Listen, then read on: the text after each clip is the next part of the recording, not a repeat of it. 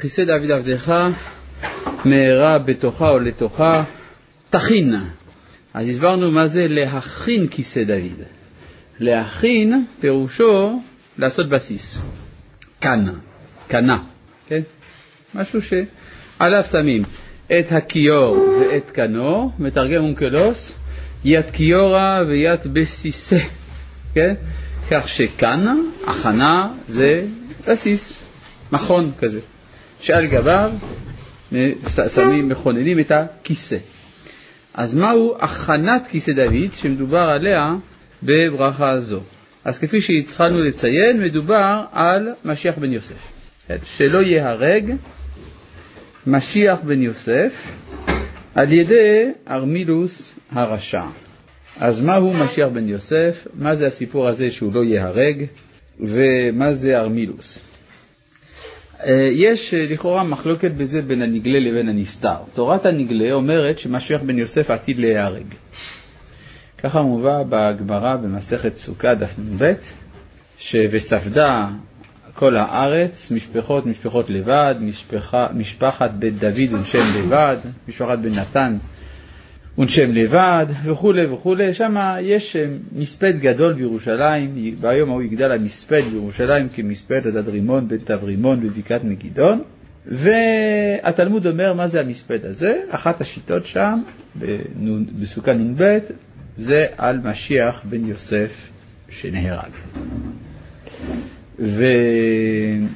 ואילו באריזל נאמר שאם יתפללו על משיח בן יוסף שלא ייהרג, אז הוא לא ייהרג. והגר"א הלך עוד צעד אחד קדימה, הגר"א אומר עוד יוסף חי, בעצם יתברר שהוא לא נהרג. יש מצבים שחושבים שמשיח בן יוסף נהרג, יש תאונה למדינה. אז אנשים קופצים מהגג, איבדו את כל האמונות באידיאלים הגדולים, וגם משיח קפץ, והודיעו שהוא נהרג. אבל מצד האמת, עוד יוסף חי. כמו שיעקב אבינו סבר עד יוסף שהוא מת, ובאמת הוא היה חי, כך משיח בן יוסף. זה גם מסביר כמה תופעות של ייאוש מן הגאולה, שאנחנו מוצאים אפילו בחוגים פנימיים, בתוך תלמידי חכמים וכולי, שאנשים מתייאשים, ואז על לדעת, לא, זה, אתה חושב שמשיח בן יוסף נהרג. אז באה מחלוקת בין הנגלה לנסתר. הנגלה מדבר על פי סדר הטבע, שמשיח בן יוסף חייב להיהרג. והנסתר מדבר בסדר שמעל הטבע, שאפשר להציל את משיח בן יוסף. מה זה משיח בן יוסף? משיח בן יוסף זה מי שמוציא את ישראל מן הגלות. מה התרגום המעשי? היום אנחנו יודעים, מדינת ישראל, התנועה הציונית, זה משיח בן יוסף. בסדר? על זה מדובר. אז לפי מה שאנחנו למדנו, בעצם אה, מי שמממש את זה במציאות זה משיח, זה מדינת ישראל, הציונות. מה אתה שאלת? אה, מה? גם, יש גם אנשים במהלך הדבר הזה שגם הם שייכים לתנועה של משיח בן יוסף. אז אחד מהם גם הרצל. הרצל אמר עליו הרב קוק, הוא עקבא במשיח בן יוסף.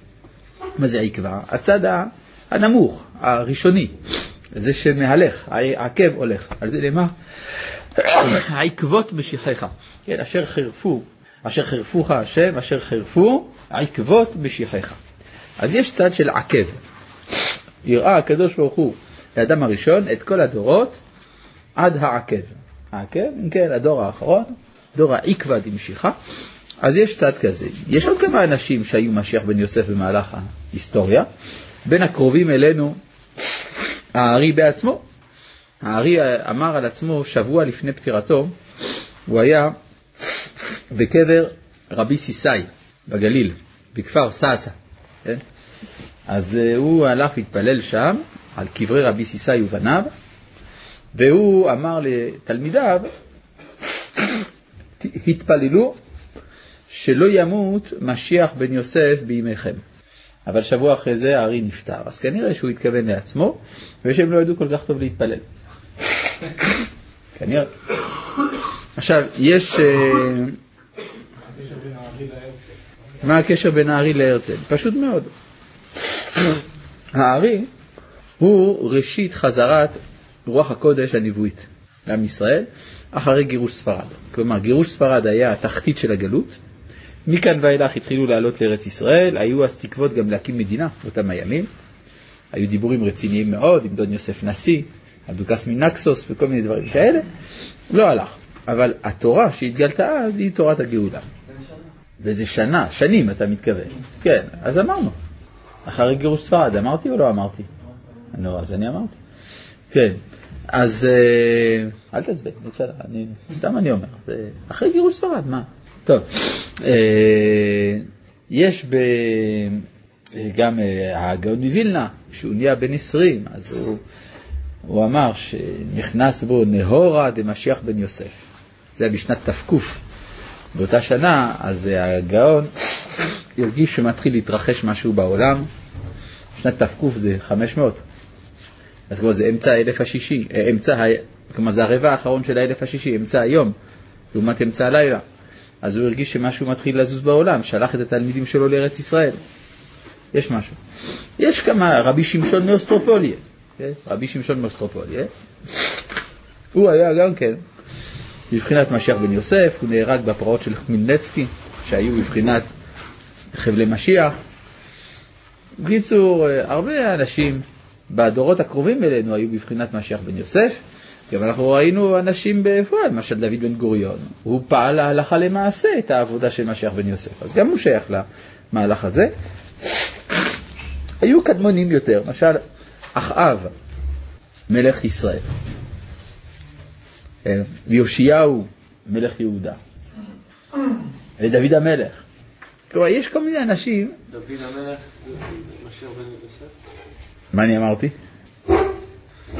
אני אמרתי, יש רשימה של אנשים ששייכים לתנועה של משיח בן יוסף, ואני אמרתי דוד, אז מה הקושייה עכשיו? טוב, אז uh, יש... Uh, מה? מה זה משיח? למה בן יוסף?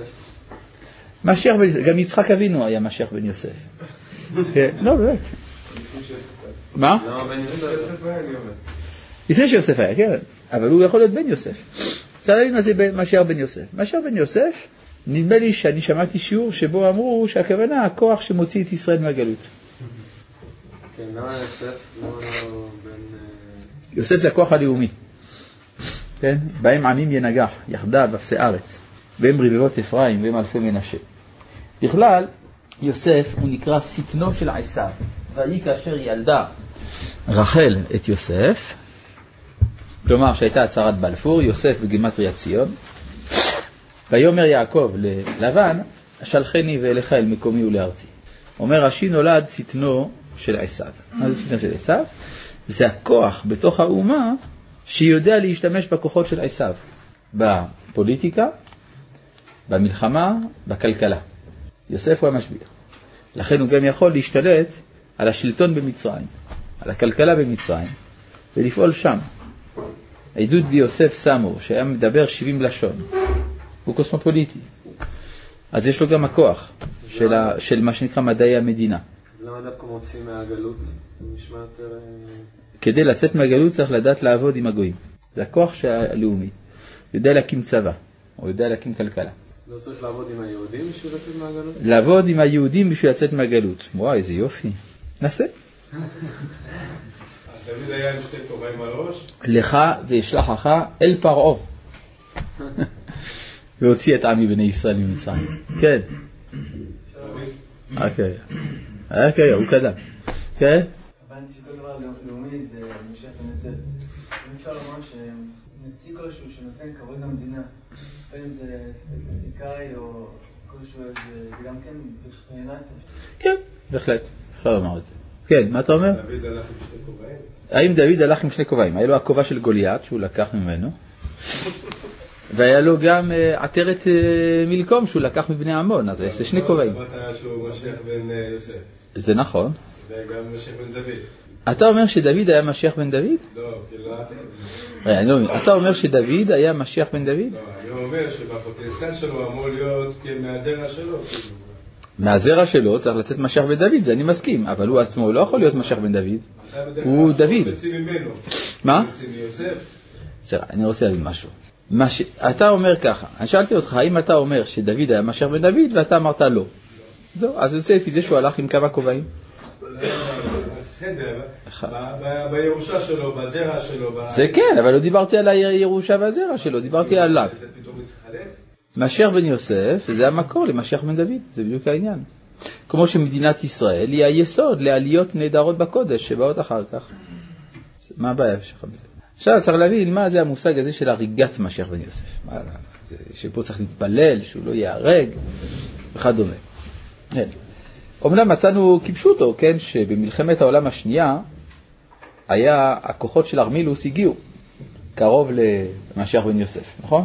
היה במלחמת העולם השנייה, הצבא הגרמני-איטלקי הגיע ללוב, מלוב חדר למצרים ועמד לכבוש את ארץ ישראל. עמד לכבוש את ארץ ישראל,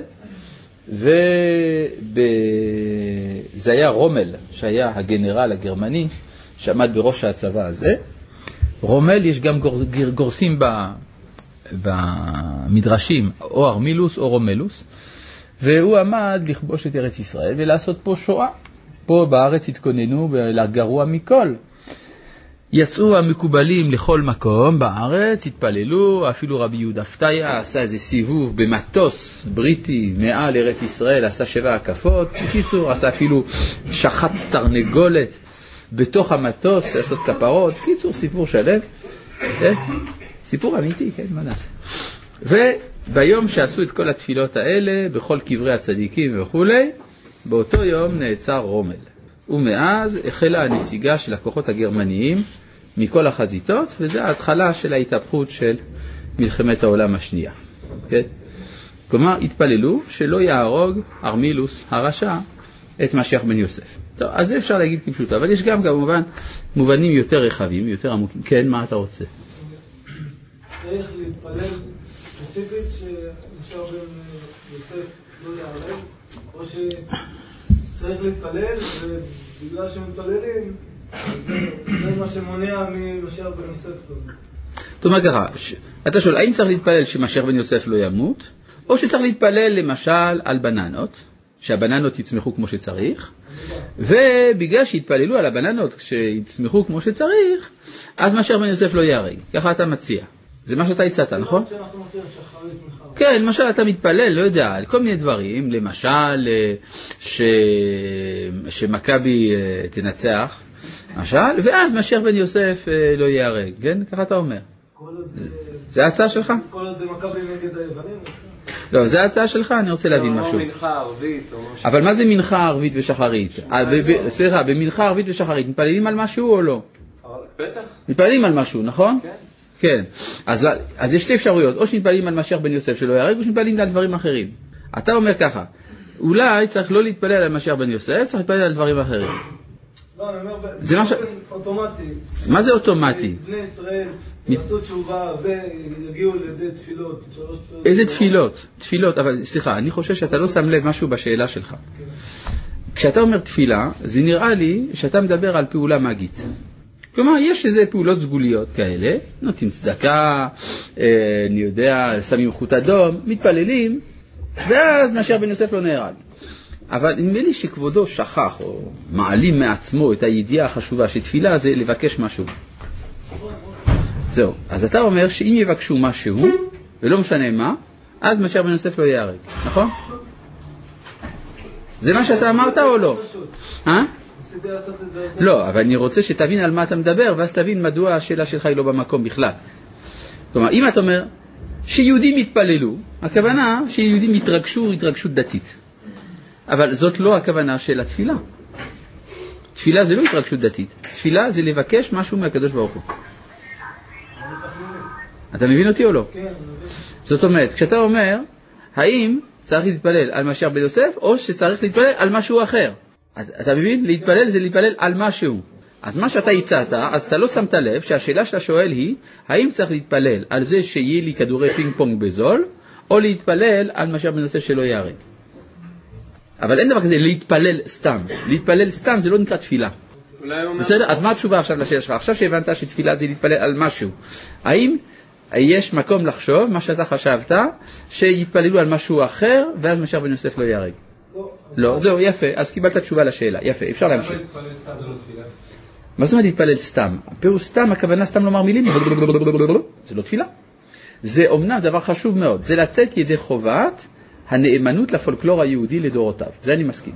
פעם לפני שהיה תיקנו את התפילה, כל אחד היה שם את המזוזה, ליד המזוזה, מבקש מה שהוא רוצה לשיר.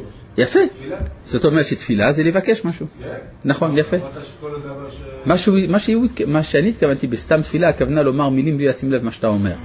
כי הוא חושב, וכך הייתה הרקע של השאלה שלו, שלהתפלל הכוונה להתרגש מזה שכולם הולכים לבית הכנסת ואומרים את המילים של התפילה וכולי וכולי.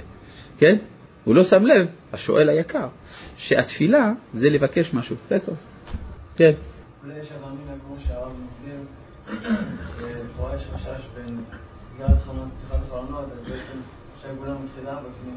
בגלל שהיא אז כבר אין חשש, לא. אז אולי על אותו משקל, גם פה, עבר זמנו, בתל קבלנו היה חשש שמשיח בן יוסף ייהרג, אבל כיוון שזה כבר לא נהרג, אז זהו, כבר לא, כאילו, מה עבר? מי אמר שאין חשש? אנחנו עוד לא הסברנו מה זה שמשיח בן יוסף ייהרג או לא ייהרג, עוד לא הסברנו. התחלתי רק קצת להסביר, לא הסברתי הכל. כן, מה אתה רוצה?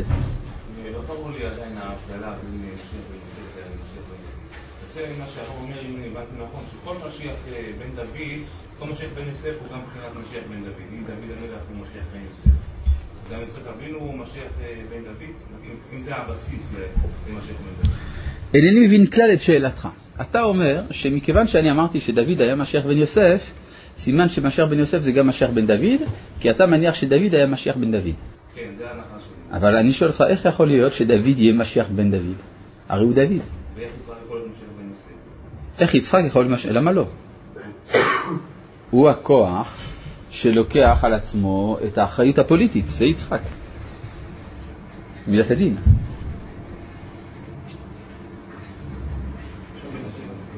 מה? כלומר, אתה יצאת מתוך הנחת יסוד שאני לא יודע מה המקור שלה, שדוד היה משיח בן דוד. זה מה שאתה אומר. ואני שואל אותך, מניין לך הדבר הזה? דוד, אז הוא לא בן דוד. מה? זה לא רק עניין של אה, של זרע. ו- אבל אני רוצה ראייה, תגיד שזה לא עניין של זרע, לא ביולוגיה, בסדר, אבל מניין לך שדוד היה משיח בן דוד? אני פשוט עוד לא הבנתי מה המקור שלך. דוד מלכה משיחה, לא? אתה איתי? לא, אתה פשוט, זה, אני מבין עד כמה שהדברים מושרשים, אבל אני רוצה שתבין עד כמה שהדברים הם שטות, במחילה מכבודך. אתה אמרת, דוד, כמובן, הוא היה משיח בן דוד. ואני שואל אותך, מניין לך? ואין לך תשובה. אתה יודע למה אין לך תשובה? כי זה לא נכון, פשוט מאוד. אתה עכשיו מבין את השאלה? את מה שאני אמרתי? טוב, בסדר. יוצא שאנחנו הבנו קצת מה זה משיח בן יוסף, בכלל לא עסקנו בשאלה מה זה משיח בן דוד. בסדר? כן. זה כזה חשוב, למה לא תיקנו את זה בתפילה? למה לא תקנו מה בתפילה? זה היה באותיות קטן, מרובעות, בלי ניקוד, לא בכל הסידורים. למה למה אתה אומר זה רק רמוז? לא כן? אמרתי בלי ניקוד. לא, לא, זה. אני טוען שזה באמת רמוז, כי הרי, וזה פירוש של הארי, כן? שכשאומרים בתוכה תכין, יתפלל, יתכוון, יתפלל, מאשר בן יוסף שלא ייהרג. אז אתה שואל, למה לא כתבו אנשי כנסת הגדולה? במפורש, שלא ייהרג מאשר בן יוסף. נכון?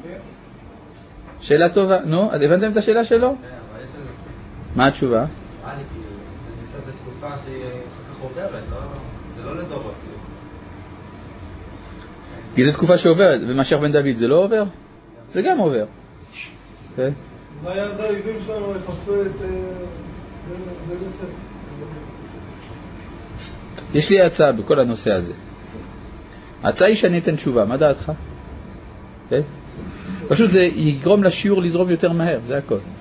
Uh, התשובה היא שמשיח בן יוסף זה לא חייב להיות רק משיח בן יוסף. רבנו סעדיה גאון כותב מפורש בספר כיתב אל-מוכתר פי אל-אמנת ועל התקדת, הנקרא גם ספר אמונות ודעות. הוא כותב שאם ישראל יזכו כל הפעולות של משיח בן יוסף תעשינה גם על ידי משיח בן דוד בעצמו, כך שנוכל לוותר על השלב הזה, על הפיצול הזה. ואם ישראל לא יהיו זכאים, יהיו שני שלבים, משיח בן יוסף קודם, ואחרי זה משיח בן דוד. יוצא לפי זה שאתה לא יכול להתפלל על דבר שהוא ספק לגבי אופן הופעתו. מובן? כי יש הבטחה על משיח בן דוד, אין לנו הבטחה על משיח בן יוסף. עד כאן מובן? אז מה, צריך להתכוון? להתכוון זה לא לא ספק? אז כן, לא, אז מרכבה, עכשיו אנחנו יודעים במהלך הדורות התברר יותר ויותר שעם ישראל יצטרך לעבור שני שלבים, כפי שאנחנו רואים בימינו. אבל אי אפשר היה בזמן אנשי כנסת הגדולה שהדבר הזה יהיה כתוב במבורר ובמפורש, כיוון שהדבר עדיין יכול היה להתבצע על ידי, על ידי משיח אחד. יפה, אבל למדנו שהנביאים גם תיקנו את התפילות, נכון? את כל התפילות. מה, לא ידעו? נכון. איך זה? למה לא? לא כל דבר הנביא יודע. הנביאים לא ידעו, אבל מה הם תיקנו את זה במפריע? כן, אבל לא כל דבר הנביאים יודעים. כן. הרב המשפט, אתה לא יכול להתפלל על דבר שיש לך ספק לגבי הופעתו. אופן הופעתו. כלומר, אתה לא יכול, להג... אתה יכול להתפלל על גאולה. כיסא דוד תכין זה בסדר. להגיד במפורש משיח בן יוסף, שיכול להיות שלא יהיה משיח בן יוסף, אלא הכל יבוצע על ידי משיח בן דוד, אתה לא יכול. לכן זה לא כתוב במפורש. זאת הייתה השאלה של חכם יוסף חיים. בסדר? כן. אם ישראל זקן, אפשר הזכות הזאת של ישראל היא לא באמת נובעת מההשקפה של אה, כמות העם בתשובה, כמות העם בתפילה, כמו ששאלתי מקודם, בצורה פשוטה. ההשת- אתה שואל האם הגאולה תלויה בתשובה. ומעשים ישראל טובים. אתה אומר ככה, אתה מניע, אתה שואל אותי, האם זה נכון לומר שהגאולה תלויה בתשובה ומעשים טובים, נכון? כן.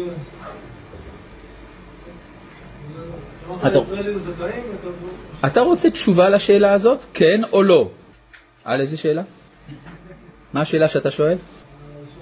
שהיא? תגיד, אני רוצה לשמוע. אם זה ה- הזכות של ישראל לקבל משיח כזה או אחר, או רק אחד בכל השבויים, אם זה תלוי בתשובה, זה תלוי ב- במעשה, בכמות שמתפלל כלומר, אני מבין שאתה שואל, האם הגאולה תלויה בתשובה ובמעשים טובים? כן. יפה. הבנת שזה מה שאתה שואל? כן או לא? בסדר. התשובה היא שהגאולה אינה תלויה בתשובה ובמעשים טובים.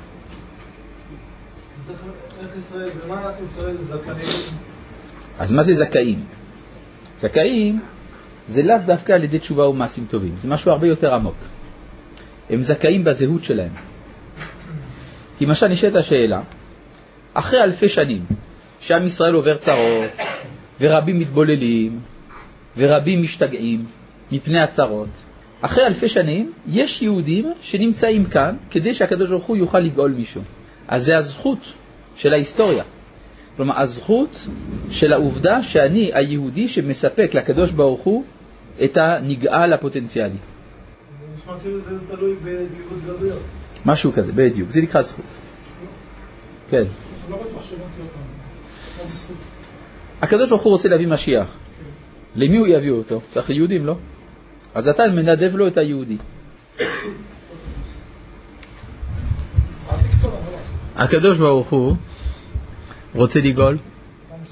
צריך בשביל זה שיהיו יהודים. מי מנדב לו יהודים? אם לא היו יהודים, את מי הוא היה אם לא היו לו סליחה, אם לא היו לו יהודים, את מי הוא היה גואל? לא היה לו מה לעשות עם המשיח שלו, נכון?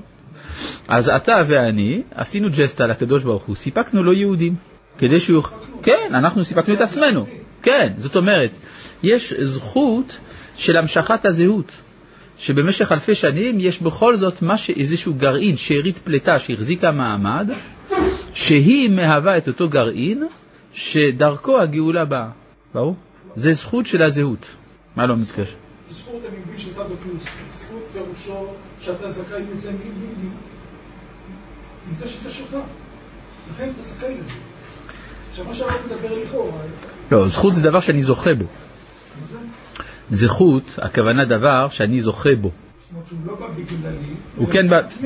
לא. לא, לא. אני רואה שהמילה זכות אצלך התבלבלה בגלל העברית המודרנית.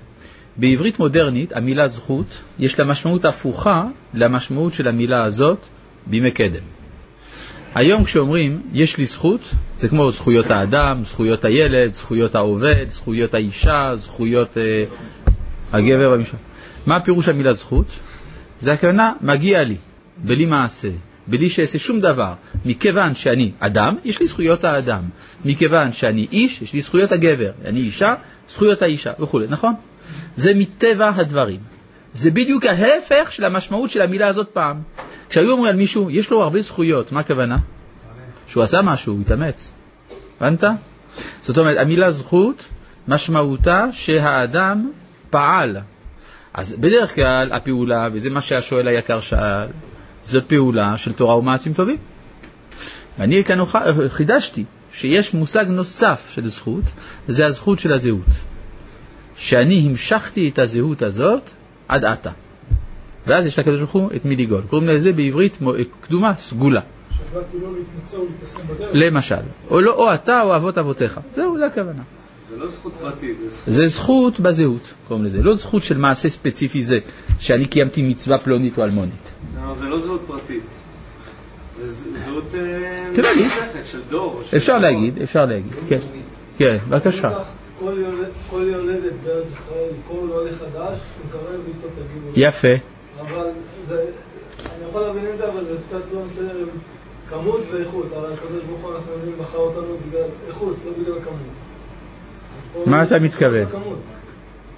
כן, כלומר, הכמות היא גם סוג של איכות. בין כל האיכויות, אחת האיכויות היא הכמות. כן. הבנתי מהרב נכון, לא מתפללים על ספק? אתה לא יכול להגיד בתפילה דברים מפורשים כשמסופקים. אני מבקש רפואה למישהו. נו, מסופק, נכון. כן או לא. כן, אתה לא הבנת מה שאני מתכוון. אה, לא הבנת מה שאני מתכוון. נגיד שאתה לא יודע אם החולה קוראים לו יוסי בן רחל או יוסי בן לאה. אתה לא יודע. האם אתה תגיד בתפילה יוסי בן רחל על הצד, הס- צד הספק, שאולי קוראים לו יוסי בן רחל? אני יודע את השם שלו. סליחה, אני שאלתי שאלה אחרת. נא להתייחס לשאלות שלי, אני פה הבוס. אני שואל, אם אתה לא יודע אם קוראים לו יוסי בן רחל או יוסי בן לאה, האם אתה, בגלל הספק, תהיה רשאי בתפילה לומר יוסי בן רחל? לא. אז זהו, זה בדיוק מה שאני אמרתי. כלומר, אותו דבר, לגבי אופן הגאולה, כיוון שאינך יודע האם משיח בן יוסף יהיה דמות בפני עצמה, או שהכל ייעשה על ידי משיח בן דוד, לכן אתה לא יכול להזכיר אותו במפורש בתפילה. זה הכל. ואם אני יודע את השם שלו? זה לא בטוח אבל שהוא מהפה. לא ברור לי שאני לא. התפילה היא ביסודה ספק, כי אתה לא יודע אם השם יענה לתפילתך או לא. אבל לא על זה דיברתי. אבל לא על זה דיברתי. אבל לא על זה דיברתי. טוב, נו.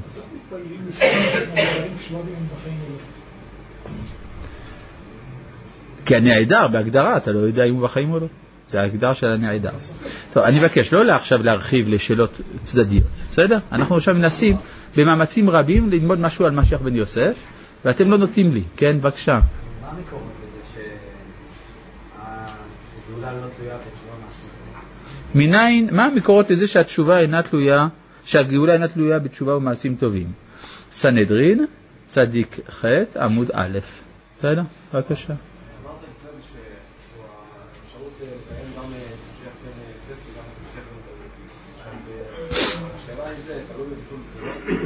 בביטול בביטול? כאילו, נכון, גזירות מסוימות ל- לגאולה. גזרות לגאולה? אני לא מבין מה שאתה אומר. יש נגיד אה, מספר על כאלה.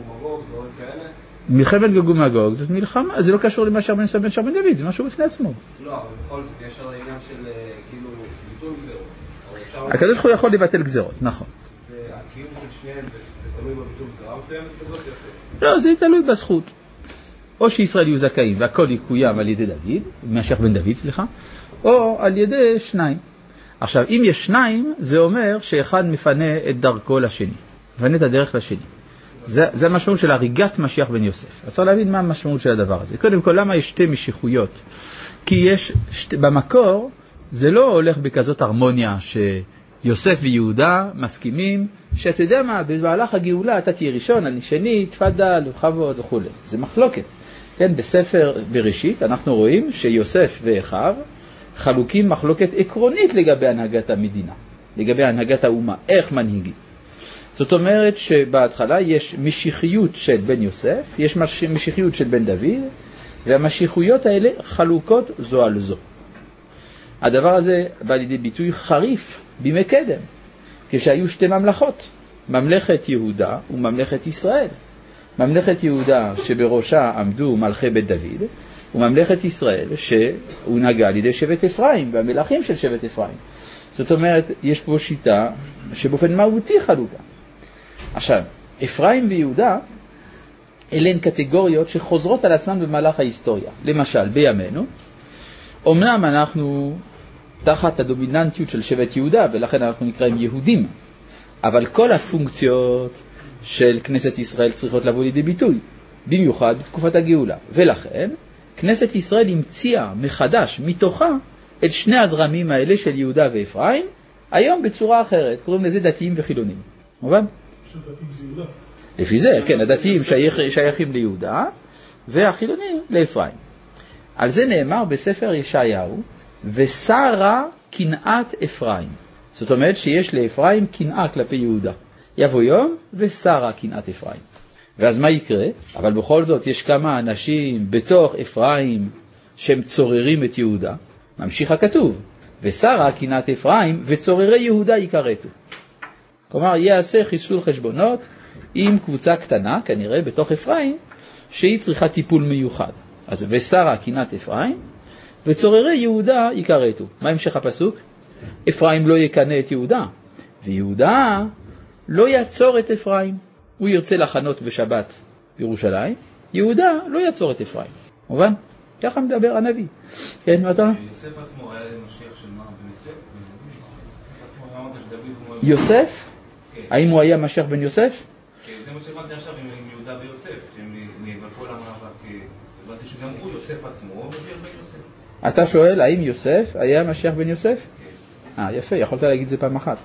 כן, התשובה היא שיוסף עבר שני שלבים בחיים שלו. הייתה תקופה שהוא היה יוסף, והייתה תקופה שהוא הפך להיות משיח בן יוסף. וזה אנטיתטי, זה בכלל אותו כיוון.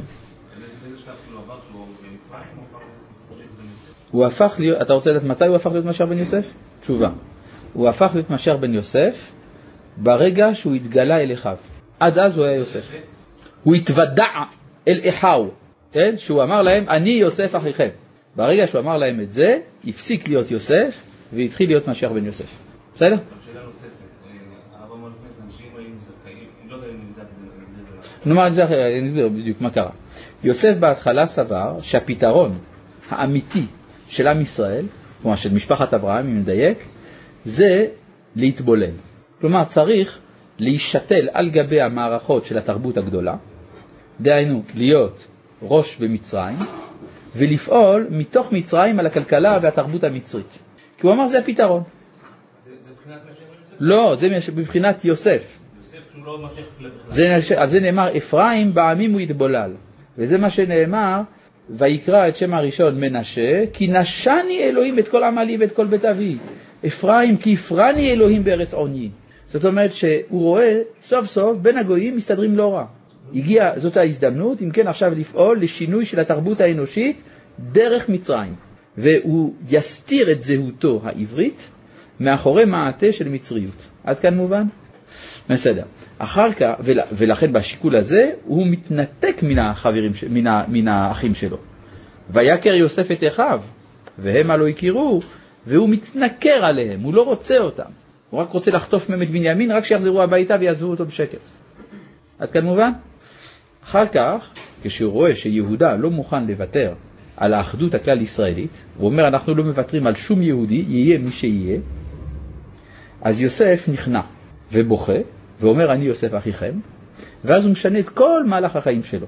עד כדי כך שעכשיו הוא מבין שפקוד יפקוד אלוהים אתכם, ועליתם את עצמותיי מזה איתכם להר הרצל.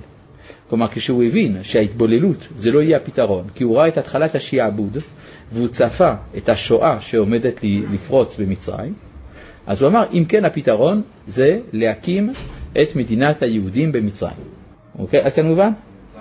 כן, במצרים הוא אמר, פקוד יפקוד אלוהים אתכם.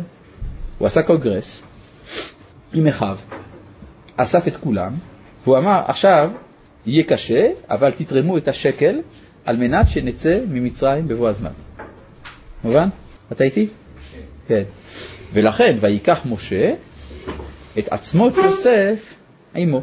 זה הכוח הלאומי שהתעורר אז. שים לב שהכוח הלאומי שהתעורר על ידי יוסף איננו כוח לאומי דתי. זה כוח לאומי של חול, אבל לאומי. זאת אומרת, יוסף למד במצרים את מדעי המדינה, מה שאחיו לא ידעו. מובן? כן.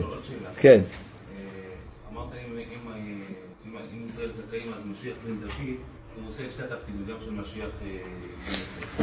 כן, משהו כזה? נכון. עכשיו, אם זה היה ככה, אז יכול להיות ש, שהגר"א וקדישר, אז הם היו כאילו, הם היו הציונות האהובה, אה, סליחה. נכון. זאת אומרת, הייתה אופציה שהגאולה תיעשה על ידי הכוחות של היישוב הישן.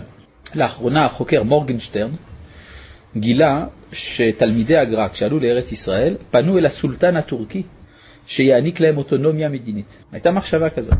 היום איפה נמצאים הצאצאים של תלמידי הגר"א? במאה שערים, נכון? אבל הייתה אופציה כזאת, הייתה באמינה. כן, רואים שגם יוסף, כמו שתיארת שהיה במצרים, כאילו שהוא הלך להתבולל בעצם, להיות בתוך העם המצרי, הוא עדיין אה, שמר על זהות יהודית. נכון. איפה הוא שמר על זהות היהודית? איפה הוא שמר על זהותו היהודית? בבית. דבר אחד עלול להרוס אותו, זה אשת פוטיפר, ושם הוא נעצר. כי אם הוא, וכתוב חז- בחז"ל, שמה מה עצר אותו? שראה דמות דיוקנו של אביו. פירוש הדבר, הוא הבין שאם הוא ייכשל בה, בניו כבר לא יהיו דומים לאביו. אז זה מה שעצר אותו. הזהות, הזהות, עוד פעם. ולא היה שום דבר אבל שעצר את הרצל, נגיד, בתקופה שהוא... ועוד איך? לפני שהוא הכיר את ה... מה זה אומר שהוא דבר לא עצר- לא עצר את הרצל? הוא התחתן עם גויה או לא? התחתן עם גויה או לא? הרצל התחתן עם גויה או לא? לא. התשובה היא לא. זהו. מה? אה? ויוסף כן התחתן עם גויה. כן, אבל זו הייתה בת דודה שלו בסוף. זו הייתה אחיינית שלו, איכשהו. סידרו את זה. הילדים של הרצל, מה אתה אומר? התנצרו. ככה אתה אומר על הבן של משה רבנו שעבד עבודה זרה? אה, בסדר, אוקיי. אם אתה מוכן להגיד על הנכד ועל הבן של משה רבנו שהם עבדו, בסדר, לא, בסדר, אני רק אומר שתמיד הגואל כנראה משלם איזשהו מחיר אישי, זה נכון. לכן חז"ל גילו לנו שהנכד של משה עבד עבודה זרה. נכון, נכון, זה באמת נכון. אה, כמו שגם מצאנו ש... איך אומרים, יש אומרים, הרצל לא מל את בנו, נכון? מל אותו בסוף. גם משה לא רצה למול את בנו, נכון? מל אותו בסוף. טוב, אז אה, איפה היית? אז עכשיו אני רוצה להבין פה משהו לגבי, מה? יהודה יקרצו, כן. בתוך אפרים יש צורר יהודה. אז הכוונה שהרב רומז למלחמת אחים? לא, חס וחלילה. לא צריך מלחמת אחים, לא, לא, לא צריך, לא, שאלת ואת קיבלת תשובה. התשובה היא שאני לא רומז למלחמת האחים ואינני מתכוון למלחמת אחים. אני רק אומר שבתוך הקבוצה של אה, אפרים יש כמה אנשים שצריכים אה, לשבת בכלא, כן, נכון. קצת, אה, יקרצו זה לא... כן, קח כמה, זה, אחד ורבע, משהו כזה, מה? אתה רוצה? יש לי רשימה. אתה רוצה? מי בראש? אתה רוצה אני אגיד? לא, אני לא רוצה. אולי הם יחזרו בתשובה עד אז, כן? טוב, עכשיו, אנחנו אם כן אה, במילה תכין, כי אני רואה שייתכן שאני אצליח גם להגיד היום מה שאני רוצה, כן? עכשיו, מאיפה הביטוי הזה, תכין, קנה, בסיס, כאן, ותקיור ותקנו? יש בספר תהילים, בפרק אה, פ', אני חושב, יש מזמור שלם על משיח בן יוסף. מכירים את המזמור? זה מנצח על שושנים, מזמור לדוד. אין פה תנ"ך. אה, יש. בספר תהילים.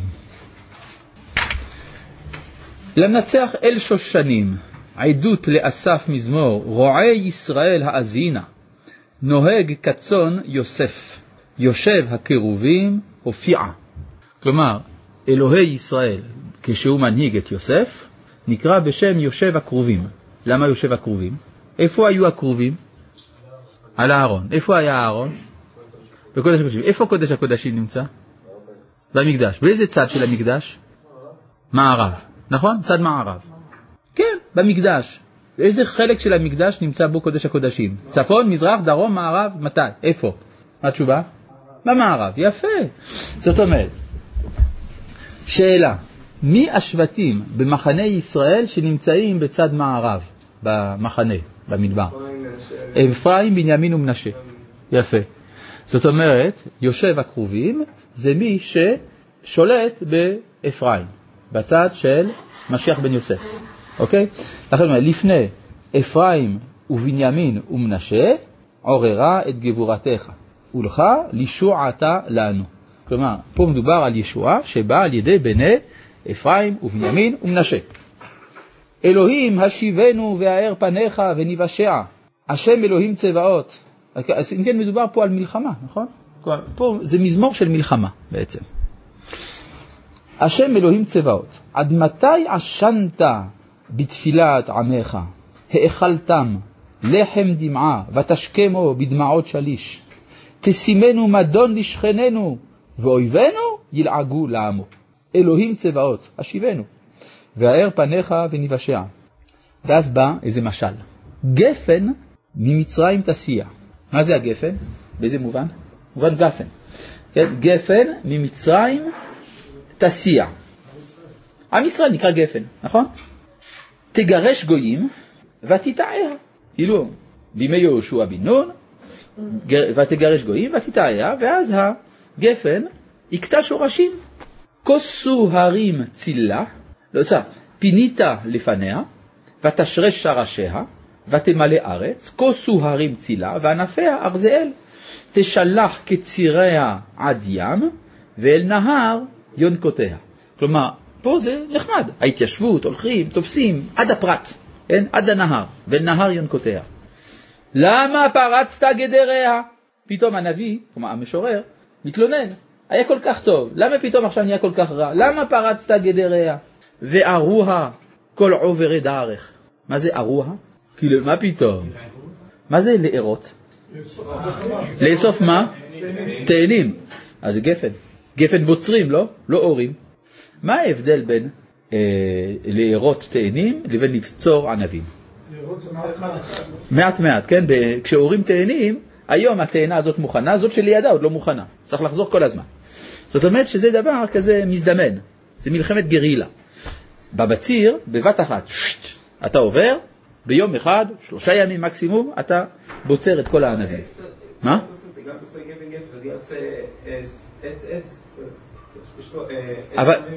אבל כשיש לך כרם, במכה אחת, כן, מכה אחת. זאת אומרת, שמה שקרה, שבמקום שזה יהיה גפן, מתייחסים אל זה כמו אל תאנים. זאת אומרת שמדי פעם באים האויבים, עושים פשיטה, חוזרים, עוד פעם פשיטה, חוזרים. אז על זה מתלונן המשורר. למה פרצת גדריה וארוה כל עובר דרך? יכרסמנה חזיר מיער, וזיז שדה יראנה, חיות באות, אוכלות בתוך הגפן. אלוהים צבאות, שוב נא, הבט משמיים וראה, ופקוד גפן זאת. עכשיו פסוק אה, חשוב ביותר, וחנה אשר נטעה ימיניך ועל בן אימצת לך. כלומר, הוא רוצה שירחם על הגפן ועל הקנה. מה זה קנה? מה בית המקדש? אני שואל מה זה קנה. לא, לא מה הפירוש של הדבר. אני רוצה להבין מה פירוש המילה. בסיס, קנה, כן? איפה הקנה? איפה הבסיס פה? בגפן, מי שעסק קצת בחקלאות של גפנים, יש פה מישהו שעסק בחקלאות של גפנים? אף אחד פה לא עסק בחקלאות של גפנים? הנה אתה קיבוצניק, לא עסקת? כן? לא? לא? אף אחד לא? טוב, אני אסביר לכם. יש, הגפן זה עץ. ראיתם פעם גפן בחיים? כן.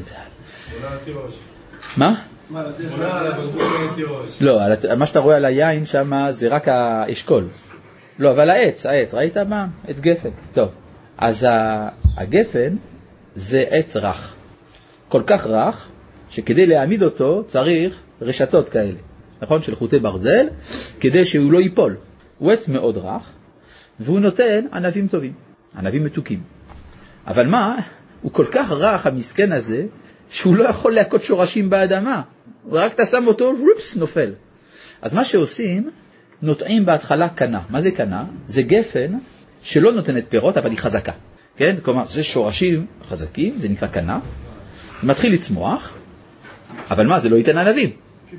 באיזשהו שלב לוקחים סכין וחותכים בתוך הקנה ומכניסים בתוך החתך את הרוכב.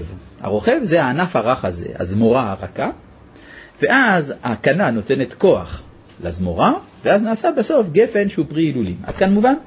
יוצא שגפן נורמלית היא מורכבת משני דברים, קנה ועל גבי זה רוכב. מה זה משנה אם זה שיח או עץ? שניהם זה בורא פרי עץ. בהלכה שיח זה נקרא עץ. מה שגדל על שיחים, למשל פטל, אתה מברך בורא פרי העץ. כן? כל דבר שהוא רב שנתי. זה רב שנתי, זה נקרא עץ. זה, זה עץ קטן, אבל זה עץ. כן? אפשר גם לעשות גפן ענקית, אבל באופן עקרוני זה גם. זאת אומרת, זאת אומרת שיש קנה ועל גבי זה רוכב. עכשיו, מי שרואה את הקנה, דהיינו משיח בן יוסף, אומר לעצמו, זה הגפן שהבטחתם? לא נותן פירות. זה אמנם חזק, עוסק בכלכלה וביטחון, אבל לא טעים, איפה תורה ומעשים טובים פה? מתייאש. יום אחד הוא רואה מישהו בא עם סכין וחותך. אומר, זהו, בעל הבית הבין שאין מה לעשות יותר עם הקנה הזאת, עכשיו הוא הולך להרוס אותה. כן? הוא עושה חתך. יש משבר בציונות, יש משבר בגאולה. אתה רואה שכל הציונות הזאת לא שווה כלום, אומרים נוער הגבעות, נכון? ואתה לא מבין שאתה חושב שהורגים את משיח בן יוסף בעצם. כשבעצם פה שותלים על גביו עוד נקודה. זה הרכבה? זה, הרכב, זה לא הרכבה, כי זה מאותו עץ. זה גפן וזה גפן. כן, זה סוג של הרכבה, נכון. נכון. זה סוג של הרכבה. עכשיו יבוא אדם ויאמר, הגיע זמנו של משיח בן יוסף למות. סוף סוף המדינה הזאת תיפול, אנחנו הדתיים מחכים, טוב, אנחנו יודעים שצריך להיות משיח בן יוסף, אבל אין מה לעשות, בינתיים אנחנו כוססים ציפורניים, מחכים בסבלנות שהמדינה הזאת תתמוטט, ואנחנו סוף סוף נוכל למלא את כל הארץ הזאת בבתי מדרש. כן? כמו ששמעתי כמה פעמים אנשים שאומרים, כן, המדינה הזאת תחרב, ואז יבוא משיח בן דוד. כן? אז מה הם רוצים? להוריד את הקנה לגמרי, ולשים במקום זה את הרוכב, נראה אם זה יעמוד. תן לדתיים להשתלט על המדינה, מה הם יעשו ממנה? פרה חולבת, יהפכו את כל התקציבים לישיבות, צה"ל לא יוכל להחזיק מעמד, הכלכלה תתמוטט, הכל. צריך הקנה, ברור? אבל זה בדיוק המשבר שמדובר עליו, צריך להתפלל על משיח בן יוסף שלא ייהרג, לא רק על ידי ארמילוס. לא שלא יחתך, שלא יהיה... לא, אז החיתוך הוא הכרחי, רק שהחיתוך הזה צריך להיעשות בחוכמה. ברור? אז יש משברים, המשברים האלה מפנים מקום בלב להכרות חדשות, והמשברים שאנחנו רואים היום הם בהחלט פותחים את האוזניים לחזרה בתשובה. הבעיה היא שהרבה פעמים החזרה בתשובה הזאת היא גורמת לנסיגה אחורה. בסדר, זה מהסכנות שיש בהריגת משיח בן יוסף, אבל על גבי זה בסוף יצא משהו. כן. יפה, העברת הסכין. מה? משבר הציונות, יפה מאוד. זה העברת סכין, זה לא העקירה לגמרי של הקהל? לא, אם יעקר לגמרי, הלך עלינו, לכן אתה מתפלל. לא. אתה מתפלל שכשאתה שם את הסכין, אתה לא תהרוג את הקנה. אה, שתחתוך ולא תהרוג. כן, תחתור בדיוק כמו שצריך. ברור? כתוב, מה? מה? תמיד צריך להיות... נכון, על זה נאמר, אני עוד חי, חי, חי, חי. זה השיר שסבא שר אתמול לאבא, והיום אני, אני עוד חי, חי, חי. חי זה מידת היסוד, לא? של יוסף הצדיק, צדיק יסוד עולם. כן, יש איזה ב- פרק בתהילים זה? פרק פ' בתהילים. עכשיו, עכשיו, יש ב... עכשיו, אני, אה, עוד לא, עכשיו כבר הגיע רבע לעשר, זה סוף השיעור, אבל לא גמרתי את נושא הריגת משיח בן יוסף, רציתי לקרוא לכם ברב קוק. זה נעשה בפעם הבאה. כן, מה השאלה שלך?